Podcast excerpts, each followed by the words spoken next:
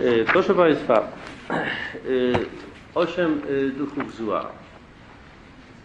To jest temat, który, który właściwie tak, to Ewagriusz z Pontu na ten temat pisał. On był mnichem, który żył w IV wieku w Egipcie. Pochodził w ogóle tutaj z Azji Mniejszej. Natomiast kilkanaście lat żył y, jako mnich na pustyni egipskiej i to był właściwie pierwszy mnich pisarz. Człowiek bardzo dobrze wykształcony. I, on, y, on właśnie w oparciu o swoje doświadczenia pisze takie treści duchowe i właściwie y, potem na nim bardzo wiele tych pisarzy, wielu pisarzy duchowych właściwie się opierało na, na jego tekstach, chociaż on w ramach tych sporów orygeniańskich został także potępiony, bo ponieważ Ewagrius Pontu korzystał z Orygenesa, więc razem z Orygenesem go potępiono. No ale to oczywiście była, to była taka w ogóle bezsensowna historia w Kościele według mnie, bo to był, Orygenes to był jednak najwybitniejszy teolog pierwszego tysiąclecia w ogóle, a został jakoś tam potępiony przez niektórych, no i jego pisma też zostały zniszczone i to samo było z pismami Ewagriusza z Pontu. Natomiast y, y, zachowały się jego teksty dzięki temu, że y, w pewnych momentach przypisano te teksty komuś innemu, takiemu, takiemu świętemu Nilowi i niektóre teksty zachowały się dzięki temu, że zostały tłumaczenia syryjskie. Dzisiaj się ponownie na grekę tłumaczy te teksty, z syryjskiego bezpośrednio się tłumaczy te teksty Ewagriusza. Myśmy wydali, proszę Państwa, dwa tomy w Tyńcu, dwa tomy pism ascetycznych Ewagriusza z Pontu. To są naprawdę fundamentalne zupełnie rzeczy w zakresie duchowości. I tak naprawdę Ewagriusz z Pontu został odkryty ponownie dopiero w XX wieku. W XX wieku został odkryty, tam gdzie ktoś przyszedł. Proszę Państwa, o co chodzi? Żeby wiedzieć jaką, na przykład ja pokażę jaka, jaka jest, powiedziałbym, doniosłość tego, co, co, o czym pisze Ewagriusz z Pontu. Mianowicie w kateizmie Kościoła katolickiego znajdujemy taki akapit na temat grzechów głównych. To jest nauka w Kościele istniejąca.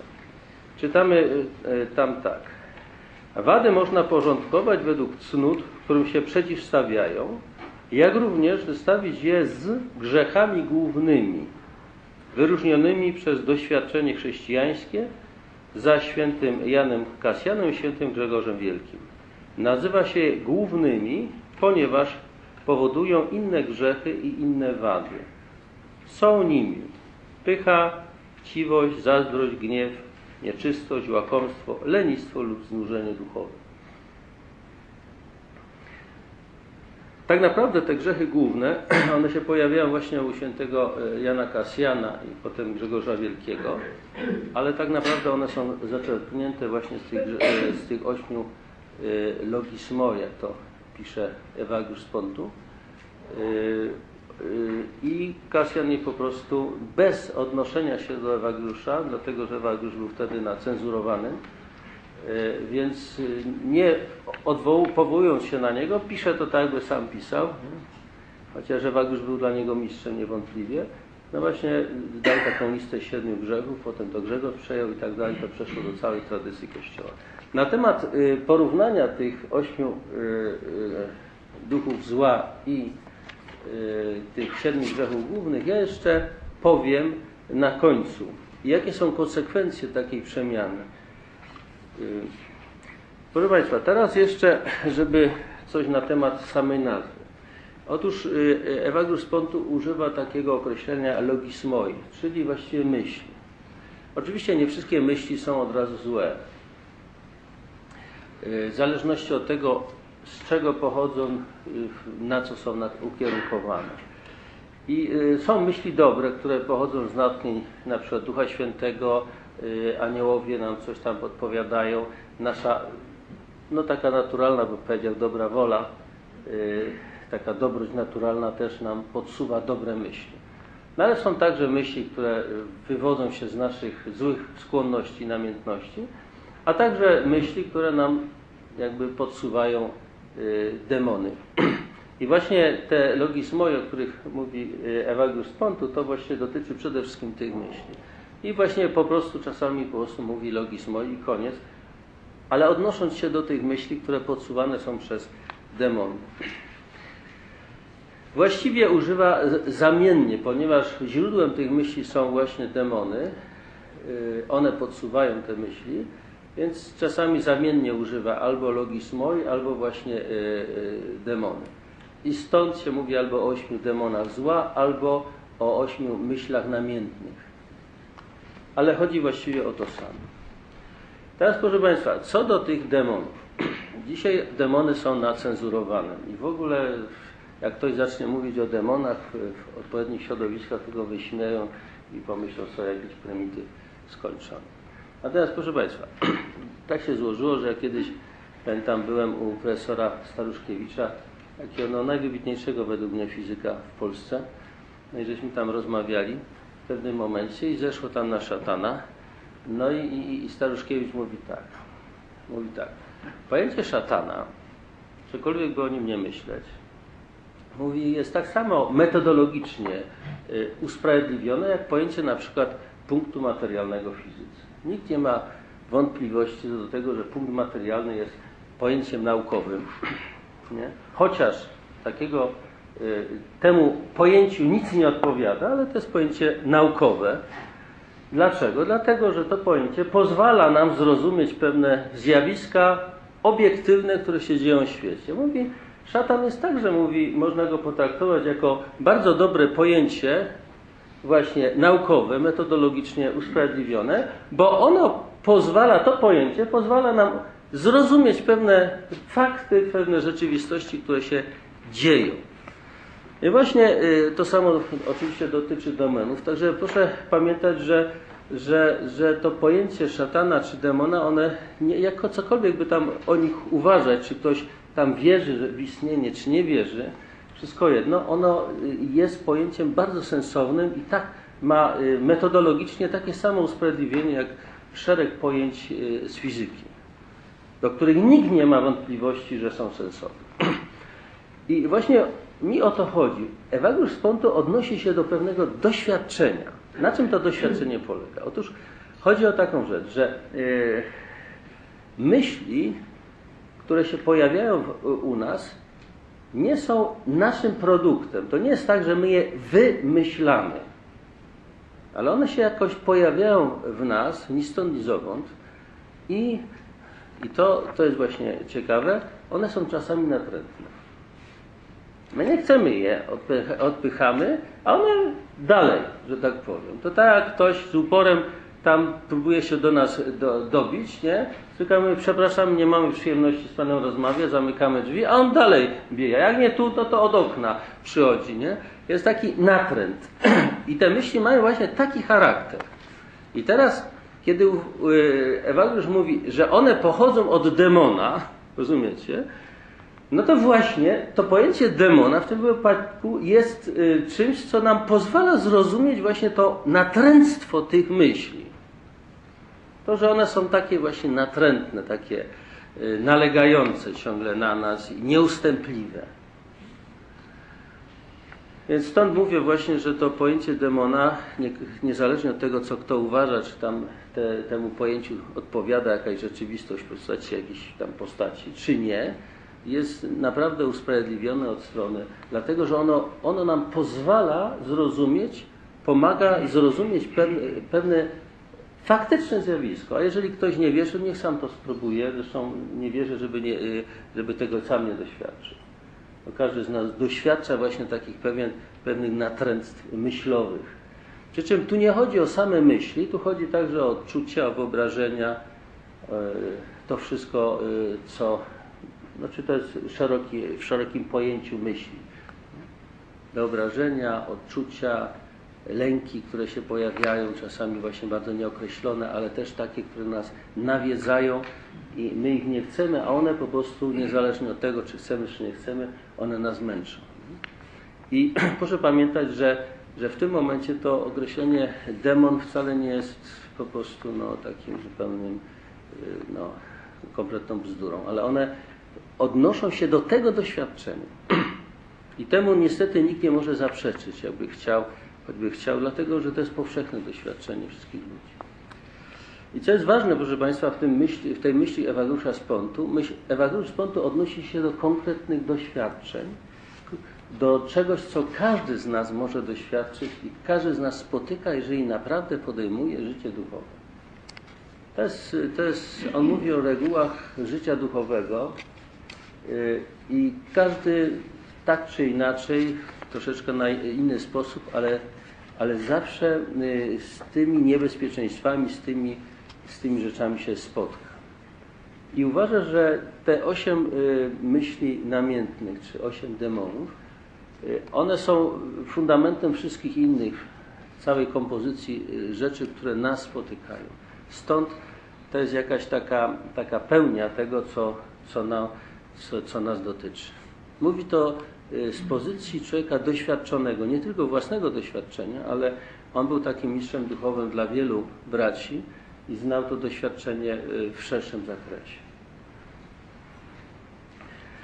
Proszę Państwa, czym się różnią, bo tu jest takie zagadnienie osobne, to już, to już są moje refleksje, czym się te, te myśli namiętne różnią na przykład od wyrzutu sumienia? Wytuż, wyrzut sumienia też tak działa, proszę Państwa, że my nie chcemy czasami, żeby nam coś mówił, a, on, a ono jednak sumienie nam mówi. Nie? I, też, I też jest problem, nie? czym się różni właśnie, albo czym się różni dobra myśl, czy dobre natchnienie od tych, tych myśli namiętnych. Oczywiście to można by, proszę Państwa, tutaj jakoś analizować yy, szerzej. Ja tylko zwrócę uwagę na dwie rzeczy. Bardzo ładnie ksiądz Ciszner kiedyś powiedział, że o sumieniu, że yy, sumienie nie gada, sumienie milczy. Ale milczenie sumienia ma sens i wyraża coś o wiele głębszego niż jakakolwiek gadanina. I z milczenia sumienia rośnie wina albo dobra wiara człowieka. To znaczy, że sumienie nam wskazuje coś, my często chcemy zagłuszyć to sumienie, chcemy to sumienie zagłuszyć i właśnie te nasze myśli, ta obrona przed sumieniem jest właśnie też taka właśnie natrętna, taka, natomiast samo sumienie milczy i z niego wyrasta jakieś takie poczucie spełnienia albo poczucie, że coś żeśmy zniszczyli, stracili, ale ono milczy przede wszystkim. Natomiast te myśli namiętne, one są właśnie natrętne, one się wciskają do nas. Druga rzecz to jest to, że kiedy człowiek posłucha sumienia i, i, i przyjmie ten głos, w sercu rodzi się pokój. Natomiast y, przyjęcie y, tych natrętnych, tych myśli namiętnych y, tak czy inaczej prowadzi do niepokoju. Zasadniczo, proszę Państwa, z tymi myślami namiętnymi to są dwie zasadnicze postawy, jakie człowiek przyjmuje wobec nich. Pierwsza postawa to jest to, że idzie za nimi i jest pełna. I wtedy, proszę Państwa, w pewnym sensie można powiedzieć, nie ma problemu z tymi myślami. To znaczy, jeżeli człowiek spełnia te myśli, to są spełnione. Oczywiście one się znowu pojawiają, ale pojawia się znowu następna myśl, jeszcze inna myśl i tak dalej i się zapomina jak gdyby, że w sumie to, to tamta poprzednia myśl to spełniała. Ewa już o tym właśnie mówi.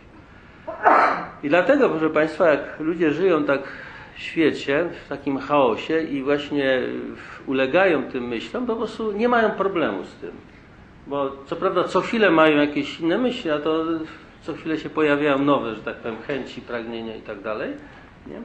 I człowiek, kiedy nie kojarzy, że one jedne z drugich wynikają, to jest cała taka sieć, no to sobie tak żyje spontanicznie, uważa, że to tak jest i tak ma być, bo taki jest, no i, i tak to funkcjonuje w ogóle nie ma problemu i, i myślę, że y, ogromna większość ludzi tak żyje. W takiej błogiej nieświadomości. Problem się zaczyna, proszę Państwa, wtedy, kiedy jest druga reakcja, kiedy mówię nie. I wtedy się dopiero zaczyna cała zabawa. I my mówimy właśnie o tej sytuacji. Ewagriusz z Pontu właśnie o tej sytuacji mówi, kiedy mówimy tym myślom nie. I tu się zaczyna dopiero, proszę Państwa, problem. Żeby trochę powiedzieć o tych myślach, y, to muszę, proszę Państwa, dwa słowa powiedzieć na temat antropologii Ewagriusza z Pontu.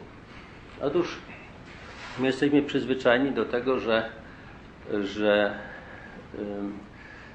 mówi się o człowieku, że człowiek jest, składa się z duszy i ciała. Duszy duchowej i ciała. Dusza e, jest nieśmiertelna, ciało jest śmiertelne, rozkłada się. To jest cały problem, ale zostawmy go na boku. Natomiast Ewagriusz z Pontu idzie, wydaje mi się, za tradycją świętego Pawła, a potem przez Orygenesa, y, mówi o trójpodziale w człowieku. U świętego Pawła mamy ducha, duszę i ciało. Trójpodział. Natomiast u Ewagriusza to przyjmuje taką, taki, taki charakter, taki, y, takie nazwy. Jest to, co jest na miejscu ducha, to jest nus, czyli umysł. On jest z natury nastawiony na kontemplację Boga E, psychę to jest dusza i soma, czyli ciało. Ciało z kolei jest czymś, co nas jakby trzyma przy ziemi. Daje nam e, ten bezpośredni kontakt z ziemią, z, tego, z tym, co z stworzeniem. Natomiast cały dramat rozgrywa się właśnie w tej sferze psyche. I tutaj Ewagriusz Pontu dzieli to, tą e, duszę na takie dwie części. Na część racjonalną, i część irracjonalną. Z kolei ta irracjonalna część duszy dzieli się na dwa takie dynamizmy. Pożądanie, pożądliwość i popędliwość. I teraz, proszę Państwa, tak, jak człowiek został stworzony przez Boga, to pożądliwość jest po to, żeby człowiek pożądał dobra, a popędliwość po to, żeby do tego dobra dążył całym sobą. To jest tak y, i tak zamyślane przez Boga i teraz proszę, proszę bardzo, to idzie jakby od dołu do góry. Człowiek jest stworzony, y, zresztą żeśmy czytali dzisiaj y, podczas pierwszego czytania na mszy świętej, tam, że człowiek został stworzony z ziemi nie? i otrzymał tchnienie od Boga, właśnie tego ducha. I teraz jakby człowiek z ziemi wyrasta, ten duch go ciągnie do góry. Jest ta pożądliwość, popędliwość, która daje mu ten dynamizm wzrostu i właściwie człowiek ma jakby wyrastać z ziemi i, i iść do Boga i finalnie ma do tego Boga dojść. Taki dynamizm powinien być. I teraz problem się zaczyna w tym momencie, kiedy po grzechu pierworodnym y, następuje y, zaburzenie i człowiek zaczyna pożądać tego, co nie jest dobre i swą popądliwością do tego dążyć. To ma konsekwencje potem w tej części racjonalnej, o czym zaraz powiemy. I teraz Ewagriusz z Pontu mówi tak, że człowiekiem porusza osiem głównych logismoi, czyli pragnień, pożądań, dynamizmów duchowych czy demonów, jak to tam określimy, to wszystko jedno.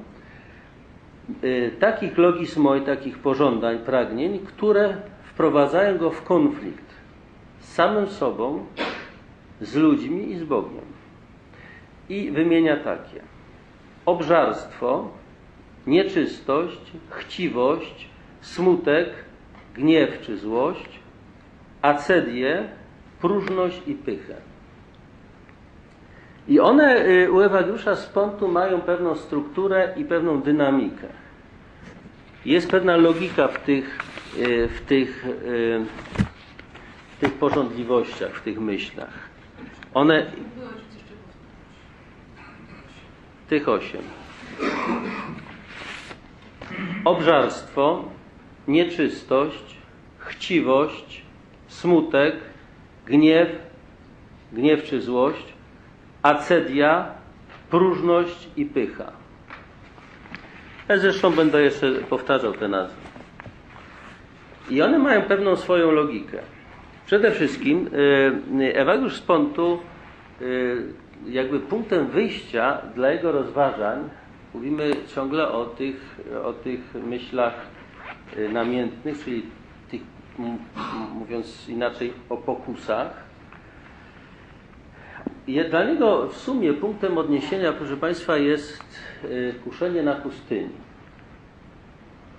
I on wyróżnia, y, zresztą czyta w ten sposób to kuszenie na pustyni. Zresztą ja przeczytam, proszę Państwa, są opisy, dwa opisy właściwie.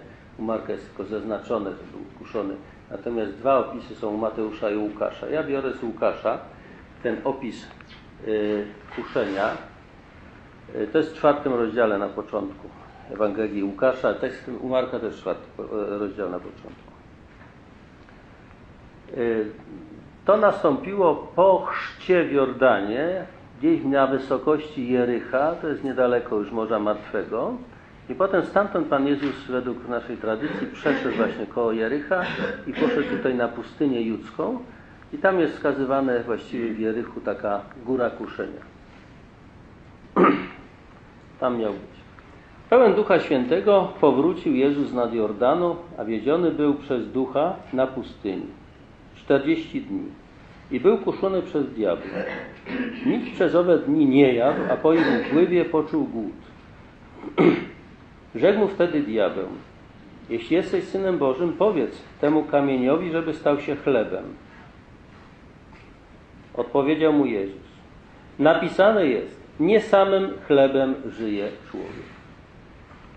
Ewag już widzi tutaj tą, tą, tą myśl, y, pokusę obżarstwa, to nazywa. Zaraz będziemy o tym konkretnie mówić, co to znaczy. To, ta nazwa sama jest dosyć taka, powiedziałbym, prymitywna, natomiast tu chodzi o y, ten, ten, ten, ta sama, to samo prymitywne znaczenie, ono jest, że tak powiem, takie, powiedziałbym, powierzchowne, natomiast chodzi o, o takie głębsze y, treści. Wówczas powiódł go diabeł w górę, pokazał mu w jednej chwili wszystkie królestwa świata i rzekł do niego Tobie dam potęgę i wspaniałość tego wszystkiego, bo mnie są poddane i mogę je dać komu chcę. Jeśli więc upadniesz i oddasz mi pokłon, wszystko będzie Twoje. To jest chciwość. Jak już Pan tu widzi tu tą, tą chciwość. Lecz Jezus mu odrzekł, napisane jest, Panu Bogu swemu będziesz oddawał pokłon Jemu samemu służyć będziesz. Zawiódł go też do Jerozolimy, postawił na szczycie narożnika świątyni i rzekł do niego, jeśli jesteś Synem Bożym, rzuć się stąd w dół, jest bowiem napisane, aniołom swoim dam rozkaz co do, dam rozkaz co do Ciebie, żeby Cię strzegli i na rękach nosić Cię będą, byś przypadkiem nie uraził swej nogi o kamień. To jest z kolei y, tutaj y, próżność. Lecz Jezus mu odparł, powiedziane, powiedziano, nie będziesz wystawiał na próbę Pana Boga swego. Diabeł dopełnił całego kuszenia, odstąpił od niego do czasu. I to są, proszę Państwa, według Ewagriusza trzy tak zwane źródłowe myśli, logizmoi, czy, czy te namiętne myśli, czy, czy właśnie trzy pokusy. Obżarstwo, chciwość, próżność. Y, z obżarstwem coraz związana jest nieczystość. Właściwie obżarstwo jest jakby ojcem nieczystości, tak czasami jest uważane i prowadzi często właśnie do nieczystości. Także ja uważam, że trzeba by było u Ewagusza te dwie rzeczy razem tutaj jakby brać. I teraz te źródłowe namiętności, które Ewagiusz z Pontu, jak mówiłem o, tych, o, o, o tej antropologii, umieszcza w tej porządliwej porządliwym dynamizmie irracjonalnej części duszy obżarstwo, nieczystość, chciwość. Natomiast próżność według niego należy do racjonalnej części, chociaż jest to niecałkiem spójne, dlatego że, że u niego y, próżność ma jakby dwa wymiary, jeszcze o tym powiemy. Y, Wymiar taki dotyczący właśnie tego poziomu y, y, praktikos, czyli tego poziomu y, irracjonalnej części y, duszy i poziomu właśnie racjonalnej. One pobudzają, zbudzają człowieka przez frustrację, przez to, że one nie są spełnione, nie dają zaspokojenia. Wzbudzają w nas albo smutek, albo gniew. I to już należy do tej popędliwej, do tego dynamizmu popędliwego, y, irracjonalnej części duszy. Smutek lub gniew. Natomiast kiedy jakby to dojrzewa, to w tej irracjonalnej części duszy jakby klamrą wiążącą te wszystkie y, myśli jest acedia. Natomiast próżność tej, irracjonalnej, tej racjonalnej części duszy y, prowadzi do pychy. I teraz właśnie po kolei jakby o tych, o tych myślach. Obżarstwo. Nie chodzi o samo zaspokojenie y, swoich, chęci y, jedzenia, najedzenia się dosyta i więcej, czy jakieś takie y, wybieranie sobie smakołyków. Nie? Tylko y, tu chodzi, proszę Państwa, o doświadczenie mnichów, którzy jakby na pustyni egipskiej oni z, z, zwykle jedli raz dziennie, około trzeciej po południu, według nich o dziewiątej godzinie. Więc oni y, tam obżartuchami nie byli bynajmniej. Jedli bardzo mało. Niektórzy jedli raz na dwa dni, a niektórzy tacy lepsi to jedli raz na tydzień. Więc trudno tu mówić o tym y, prymitywnym obżarstwie w ogóle. W ogóle nie ma sensu. Natomiast o co chodzi? Y, Tu chodzi o. Ja, ja mówię, że jak człowiek zaspokaja to, tą potrzebę jedzenia na bieżąco i nie ma problemów, to nie ma problemów. Natomiast kiedy zaczyna pościć, to się zaczynają problemy. Mianowicie pojawia się lęk. Lęk, który y, powoduje, że, że człowiek się boi o to, że, że mu się coś stanie, że zachoruje, że zasłabnie i, i w ogóle nie wiadomo, może umrze nawet w związku z tym. I to jest, proszę Państwa, y, takie powszechne. On, ten lęk istnieje, niezależnie od tego, że człowiek tam je dosyta. To się wyraża tym, że mamy pełne lodówki. Na wszelki wypadek jeszcze dokupujemy coś do tej lodówki. Nie? Ale to też jest y, sterowane w gruncie rzeczy lękiem. Że może nam braknąć, a jeszcze tego może braknąć. Tak dalej. Tutaj niestety ten lęk y, nas, y, proszę Państwa, y, jakoś tak powoduje w naszym działaniu. Ale póki mówię, no nie zmierzymy się z tym problemem, tego nie widać. I y, ten lęk, y, proszę Państwa, no to właśnie ten, ten, ta, ten demon y, obżarstwa dotyczy przede wszystkim właśnie tego lęku. To jest, to jest subtelniejsza sprawa. To samo dotyczy, proszę Państwa, także i y, tutaj y, tej nieczystości. To nie chodzi o zwykłe y, erotyczne wyżycie się, jakąś przyjemność erotyczną, której- bo to jest prymitywne. I tam chodzi o, o, o to, że musimy pamiętać, że tu mamy do czynienia z mnichem, który, który postanowił być samotny i w tej samotności y, całkowicie poświęcić się szukaniu Boga i y, życiu przed Bogiem. I pojawia się tęsknota nie tyle za seksualnym wyżyciem, tylko y, pojawiają się marzenia o bliskości, czułej bliskości kobiety, potem ewentualnie marzenia o, o, o potomstwie, o, o rodzinie. Naturalne, zupełnie ludzkie takie potrzeby. Natomiast to y, przy wyborze y, tego szukania Boga, to są myśli, które, które nas jakby właśnie zamykają w tej takiej powiedziałbym y, ludzkiej familiarności, która sama w sobie nie jest zła. Zamykają nas i, i blokują przed, przed tą, tym pójściem, y, prawdziwym pójściem, otwarciem się na Boga.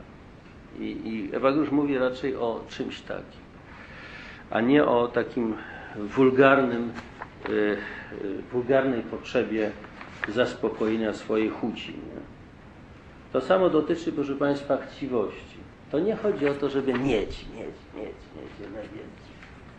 Tu chodzi o, o, o to, że z kolei jak nic nie mamy, pojawia się lęk, że, y, że właśnie coś się nam stanie, a jak będziemy potrzebowali, albo właśnie będziemy głodni, albo coś się stanie, nie mamy zabezpieczenia i w ogóle no właśnie, będziemy bezradni. Y, I to jest też, proszę Państwa, tu też znowu trzeba widzieć to w tych kategoriach, y, że my się mierzymy z tym problemem. No, pamiętamy, co Pan Jezus mówi. Nie martwcie się o to, co macie jeść, co macie pić, co się będziemy odziewać. O to poganie zabiegają. Nie martwcie się zbytnio o to. To właśnie o ten moment chodzi. Zbytnio nie martwcie się o to. U podstaw tego jest lęk, co się stanie. I to ten lęk stoi w opozycji do, do wiary w Bożą opatrzność. Podobna sytuacja, proszę Państwa, jest właśnie ten, ta konfrontacja z lęką wtedy, kiedy Pan Jezus płynie z uczniami łodzią przez, przez jezioro galilejskie, był zmęczony, tam zasnął w, z tyłu łodzi, a tu się burza zerwała. No i on już, czy ci to obojętne, że toniemy? nie. On ich tam trochę ochrzanił, nie? W związku z tym, ale uciszył tą, tą burzę, nie? Ale to jest właśnie tego typu lęk, nie? że będziemy bezradni. Posiadanie jakby daje nam poczucie, oczywiście to jest łudne, ale daje poczucie bezpieczeństwa. No to jest oczywiście łudne. I teraz y, w opozycji do tego y, jest to zaufanie y, Bogu, Jego opatrzność.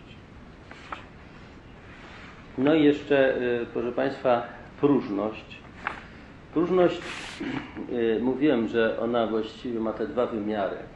W wymiarze tego, tej praktyki duchowej dotyczącej irracjonalnej części duszy, ona się wyraża tym takim szukaniem satysfakcji, czy szukaniem pochwały za to, że my jesteśmy tacy asceci, tacy porządni, katolicy, wiecie, wszystko spełniamy i teraz oczekujemy takiego, tak, no, tak ten Żyd, który był ten faryzeusz, dzięki Ci Panie, że nie jestem jak złodzieje, oszuści inni ludzie, albo jak ten celnik tam z tyłu, właśnie, takie coś, nie?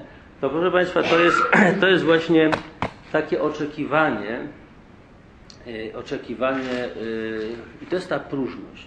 Natomiast w tym wymiarze yy, już tej racjonalnej części duszy, ona, ta, ta próżność przyjmuje wymiar takiej, takiego poczucia, oto osiągnąłem własnym wysiłkiem zapleczu.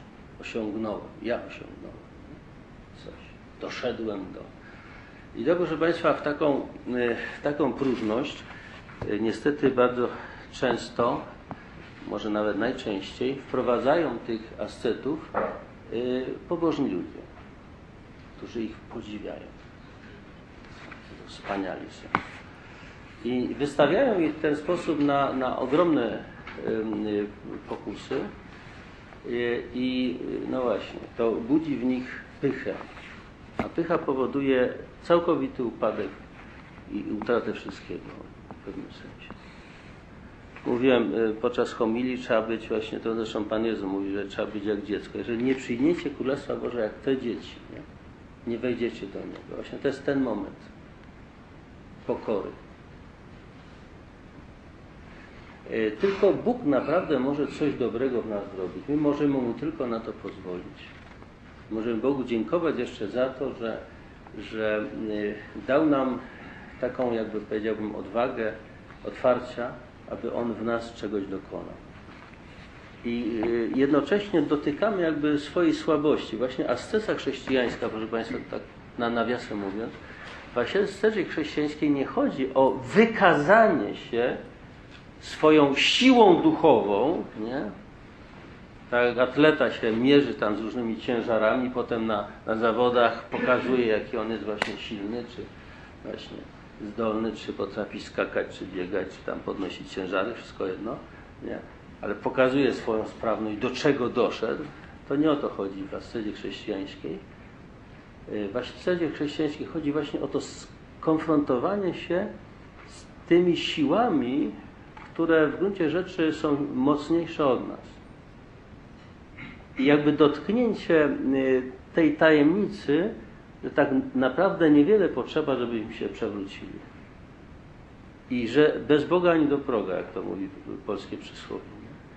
Że bez tej łaski Bożej właściwie bylibyśmy tacy sami, jak ci wszyscy upadli. I nie ma co mówić, dzięki Ci Panie, że nie jestem. No oczywiście można powiedzieć, dziękuję Ci Panie, że dzięki Twojej łasce nie stało się we mnie to, co się stało w tych innych ludziach. Nie? Że nie upadłem, nie? jak tam inni. Że jednak y, jestem na tej drodze do Ciebie. Ale to dzięki Twojej łasce, a nie, a nie to, że ja tu jestem taki wspaniały. Y, Natomiast na poziomie gnostyka, czyli już tej racjonalnej części duszy, y, to przyjmuje właśnie taki charakter takiego właśnie poczucia, że człowiek doszedł własną siłą i teraz jakby y, w pewnym sensie oczekuje uznania za to i i, no, jest taki wspaniały, więc powinien być mistrzem duchowym dla innych, y, prowadzić ich i tak dalej. Jest taka pokusa. I teraz, proszę Państwa, te trzy źródłowe, a właściwie można powiedzieć razem y, z tą, z tą nieczystością, cztery jakby, źródłowe y, namiętności, one powodują w tej części y, popędliwej gniew, złość albo smutek. One są wynikiem frustracji, że człowiek nie realizuje, nie dochodzi do czy realizacja tych tamtych namiętności nie daje mu zaspokojenia, nie daje mu radości i jest, jest właśnie, rodzi się taki gniew, taka frustracja i ona idzie albo wewnątrz, do wewnątrz i wtedy jest smutek, to jest taka agresja do wewnątrz, albo na zewnątrz i wtedy jest to złość czy, czy gniew.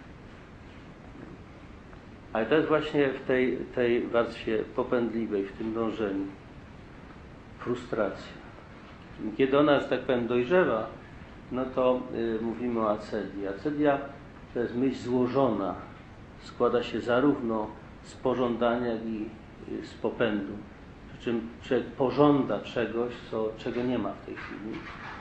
Natomiast jest w sobie zły, właśnie ten smutek, zły, agresywny w stosunku do siebie, na to, co ma i to, kim jest.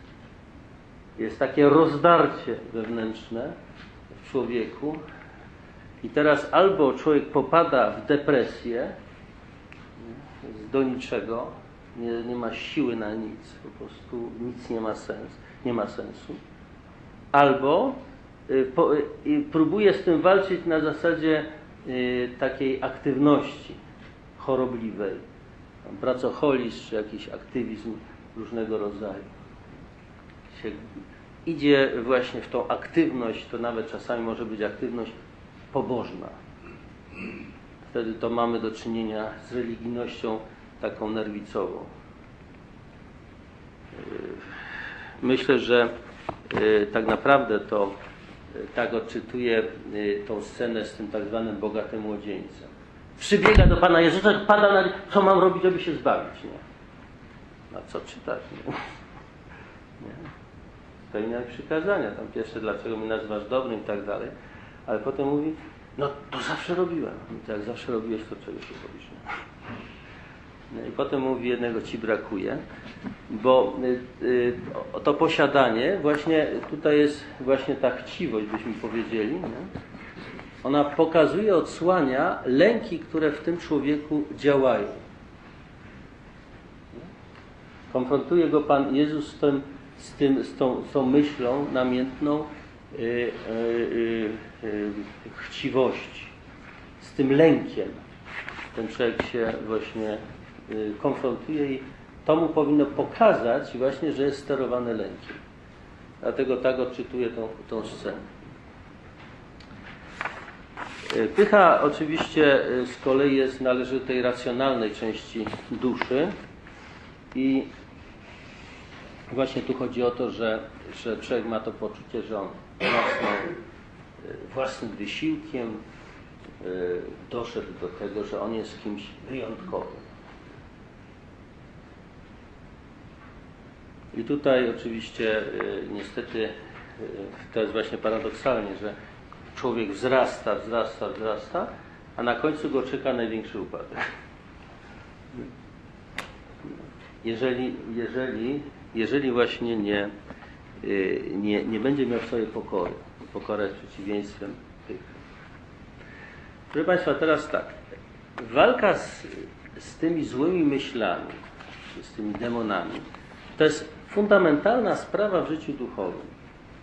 Nikt nie uniknie y, konfrontacji z, z tymi demonami, jeżeli podejmuje życie duchowe. Jeżeli nie podejmuje, to też im ulega, tylko o tym nie wie. Po prostu mu to uchodzi. Fajnie kiedyś ksiądz Stanie, który nam wykładał patrologię, mówi też, no był taki młody, młody człowiek y, i on z nim rozmawia.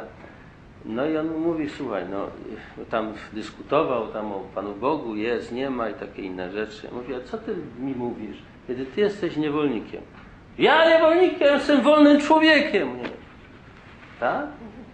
Palisz papierosy? Palę. To dawaj mi je. Przez tydzień nie będziesz palił. No. Okazało się, że po dniu nie mógł. No i co, jesteś wolny czy niewolny? No póki palił papierosy, wydawało mu się, że jest wolny, nie, i tak dalej. Ale ja mu powiedział, nie będziesz palił, okazuje, że nie potrafi. Nie? I wtedy dopiero się pokazuje, kiedy, kiedy człowiek podejmuje ascezę, dopiero pokazuje się, jaka jest prawda. Ja mówię o takiej sytuacji, jeżeli podejmujemy to, to dopiero wtedy się okazuje, co, co jest grane. Nie? nie podejmujemy, to się zaciera.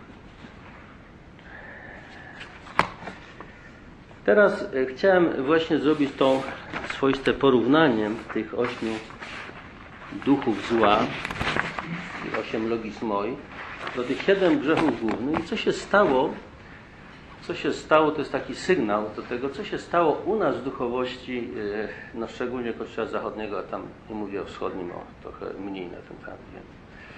Otóż, proszę Państwa, jak się to porówna, te, to zestawienie tych ośmiu duchów zła, czy ośmiu lo- logismoi i tych siedem grzechów głównych. Sama nazwa grzech główny sugeruje jakieś moralne wystąpienie.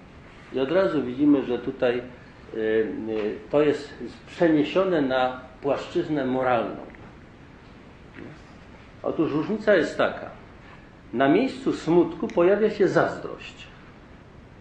Czyli smutek z tego powodu, że ktoś osiągnął coś, ma coś, a ja nie mam. I to jest, w tym smutku jest zawarta jakaś taka złość na tego człowieka, bym powiedział, czy na, na, to, na, na los, na Pana Boga, czy na coś. I, i właśnie to, ta myśl jest zła w sensie właśnie moralnym, za, zazdrości i ona jest ukierunkowana, czasami owocuje właśnie y, czymś takim, żeby mu to zabrać, czy jak mu no, w jakiś sposób tam zaszkodzić. Jest ukierunkowana y, na pewne zło. Smutek natomiast u Ewa Grusza ma zupełnie inny charakter. Przede wszystkim trzeba y, powiedzieć tak, że istnieją dwa smutki. Jeden smutek jest dobry, drugi zły. Y, Pan Jezus mówi, błogosławieni, którzy się smucą, albowiem oni będą pocieszeni. No przecież to nie chodzi o grzech, nie chodzi o namiętną myśl, tylko chodzi o coś dobrego. W Ewangelii ten smutek dobry to jest smutek z tego powodu, że jest zło na świecie i człowiek jest bezradny wobec tego i ten smutek dobry, on powoduje w człowieku po prostu takie zwrócenie się z bezradnością swoją do Boga, z modlitwą. Panie, tylko Ty możesz temu zaradzić, ja nie mogę, nie? I jest modlitwa. Albo jeżeli chodzi o zło we mnie, to też pojawiają się łzy skruchy i modlitwa. I to jest dobry smutek, który prowadzi ku nawróceniu. Święty Paweł też o tym pisze. Jest smutek, który jest z Boga właśnie i prowadzi do nawrócenia. Natomiast ten smutek, o którym y, mówi Ewadiusz, to jest ta wewnętrzna agresja i złość na siebie, która powoduje, że niezależnie od tego, proszę Państwa, y, czym ona jest spowodowana, to ta złość na siebie powoduje, że ja sam siebie niszczę. Niszczę w sobie tą e, życie. Smutek jest przeciwieństwem radości. Radość to jest jeden z owoców Ducha Świętego, która jest przejawem życia. Smutek jest, jest jakby ciosem e, przeciw mojemu życiu, przeciw temu, żebym prawdziwie żył. Bo prawdziwie żyć to znaczy radować. się. Radujcie się, nie? mówi Święty Paweł. Jeszcze raz Wam mówię, radujcie się. Nie? Żeby Wasza radość była widziana, żeby w ten sposób ludzie widzieli, że jesteście pełni życia. Tutaj, proszę Państwa, muszę powiedzieć tak, że ja w pewnym momencie, 2 czy 3 lata temu, odkryłem Amerykę. Polegało to na tym, że, że zrozumiałem, że w życiu, proszę Państwa, duchowym chodzi o życie. Nie o doskonałość, nie o wypełnienie jakichś różnych tam rzeczy, nie, nie o to, żebym pilnował tego czy tamtego i, i wprowadził to, tylko chodzi o życie. I teraz yy, smutek, ta namiętna myśl, ona powoduje zabijanie we mnie życia. Wszystko, co nie prowadzi do życia, jest złe. Jeżeli prowadzi do życia, oczywiście myślimy o życiu pełnym, to znaczy ostatecznie tym życiu, która, które jest komunią z Bogiem, które jest miłością. Co nie prowadzi do tego życia, które objawia się właśnie, owocuje pokojem, radością, uprzejmością, łagodnością, opanowaniem, przebaczeniem, pokorą. To, co nie prowadzi do tego, jest złe. I to jest, to nie jest smutek Ewagdusza jest, mm, nie jest moralnie zły w tym sensie, w pewnym sensie też oczywiście ma wymiar moralny, ale, ale to o co tu chodzi, to chodzi o to, że jakby to jest cios, y, cios w życie, y, w samo serce y, moje, moje życie. To samo dotyczy, proszę Państwa, przemiany innych. Na przykład acedia zostaje zamieniona na lenistwo w służbie Bożej. Powinniśmy być gorliwi w służbie Bożej, a jesteśmy leniwi. To jest, to jest grzech właśnie moralny. Natomiast acedia to jest rozdarcie wewnętrzne. Taki dramat, który też nie pozwala mi żyć. To jest stan jakby właśnie depresji, duchowej depresji. I też to nie jest, tu nie, akcent nie pada na y, moralnej winie, bo to jest, y, to jest właśnie coś, co nas opanowuje, co na nas przychodzi. To jest pokusa bardziej niż, niż jeżeli ja oczywiście się temu poddaję, to wtedy jest oczywiście i, i wojna moralna i tak dalej, ale acelia to jest coś, co niszczy mnie, moje życie. Potem jeszcze, jeżeli chodzi o tę różnicę, y, jest połączenie, y, połączona jest właśnie ta y, próżna chwała z, z, z tym, z pychą. Połączenie tych, tych, tych dwóch rzeczy, stąd jest liczba 7, a nie, a nie 8.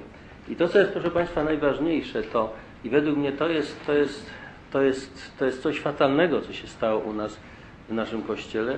Mianowicie życie duchowe zostało sprowadzone do moralności. Czyli do powinności czynienia dobrze i powinność unikania tego, co, co złe. Natomiast jakbym ten podmiot tego, tego wyboru jest jakby pozostawiony na boku. Natomiast w życiu duchowym de, de facto chodzi o, o to, co się dzieje w tym podmiocie. To jest wymiar egzystencjalny, a nie moralny tylko. Oczywiście moralność wchodzi w ten wymiar bardzo istotnie, ale, ale, ale to, o co chodzi, to jest właśnie życie. To, co się dzieje w sercu człowieka. Nie o to, żebym ja był porządny, jakby y, spełniał wszystko skrupulatnie, porządnie, to jest faryzeizm tak naprawdę. Tylko żebym w sercu y, był żywy. Chodzi o, o ten właściwy dynamizm mojego działania. I Ewageusz, i co jest jeszcze ważne, proszę Państwa, ta myśl Ewageusza z Pontu, cokolwiek by o niej nie myśleć i można by to jakoś tak czy inaczej krytykować, ona odnosi się do doświadczenia. do tego, co, y, y, czego każdy z nas może doświadczyć, jeżeli podejmuje wysiłek duchowy.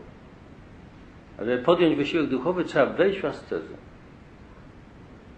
Trzeba się skonfrontować z tymi siłami, które działają. Dzisiaj jest wielu właśnie takich y, filozofów i tak dalej, którzy kompletnie palcem nie ruszają y, tych dynamizmów, bo po prostu nie są ascetami. Natomiast są tacy mądrzy, że głowa boli.